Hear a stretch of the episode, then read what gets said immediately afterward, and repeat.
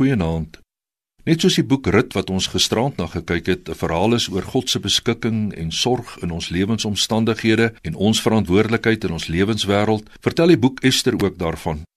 In Ester word sterk gefokus op God se beheer oor gebeure in die wêreld, asook die mens se verantwoordelikheid om deel te hê in die verloop van die geskiedenis. Naas Ester en die rol wat sy gespeel het om 'n instrument te wees in God se sorg en sy betrokkeheid by die geskiedenis, is twee ander karakters belangrik: Mordegai en Haman. 'n Groot stuk spanning lê opgesluit in die optrede van hierdie twee karakters teenoor mekaar. Ons lees daarvan in Ester 4 en 5. Net in hulle twee se etniese afkoms lê alreeds 'n stuk spanning opgesluit. Haman was 'n Agagiet en Mordegai 'n afstammeling van koning Saul, historiese vyande van mekaar. En met die twee name is die slagordes teenoor mekaar opgestel. Die spreek wie 'n kuil grawe sal daarin val, word treffend uitgebeeld. Die insig van Spreuke wat sê dat jy sal maai wat jy gesaai het, is duidelik.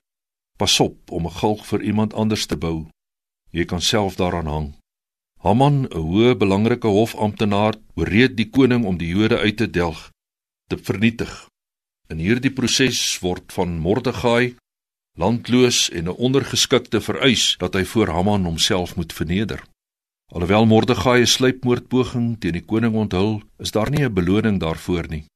Haman gaan voort met sy plan om die Jode uit te delg. Wraak is voorop. Alhoewel Ester en Mordegai probeer keer, gaan dit van erg na erger.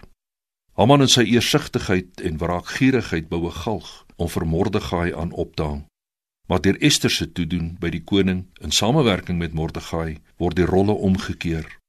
Haman word in eie munt terugbetaal. Hy word aan sy eie galg opgehang. Die Jode kon weer asemhaal.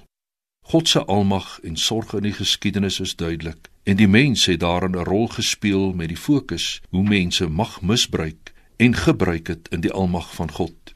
So sien ons in Haman se optrede die lyn van verhoging na vernedering en in Mordegai se optrede die lyn van vernedering na verhoging. Dwars deur die Bybel is vernedering en verhoging en verhoging en vernedering 'n deurlopende tema. Miskien kan ons ook weer iets leer uit die optrede van Haman teenoor veral Mordegai om te pas op dat ons nie in die galg wat ons dalk vir ander bou self daaraan gaan hang nie. Ons bid saam. Hemelse Vader, versterk ons om in ons verhouding met ons medemens versigtig te wees om nie mee te werk aan ander se ondergang of vernietiging nie. Help ons om in ons landsomstandighede ook vandag eerder te soek na verzoening as om te soek na wraak. Amen.